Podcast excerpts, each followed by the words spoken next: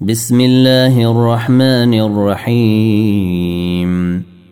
سبح اسم ربك الأعلى الذي خلق فسوى والذي قدر فهدى والذي أخرج المرعى فجعله غثاء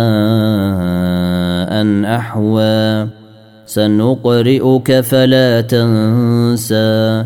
إلا ما شاء الله. إنه يعلم الجهر وما يخفى.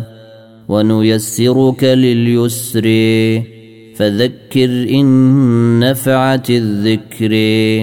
سيذكر من يخشى ويتجنبها الأشقى. الذي يصلى النار الكبري ثم لا يموت فيها ولا يحيا. قد أفلح من تزكى وذكر اسم ربه فصلى. بل يوثرون الحياة الدنيا والآخرة خير وأبقى. إن هذا لفي الصحف الأولى صحف إبراهيم وموسى.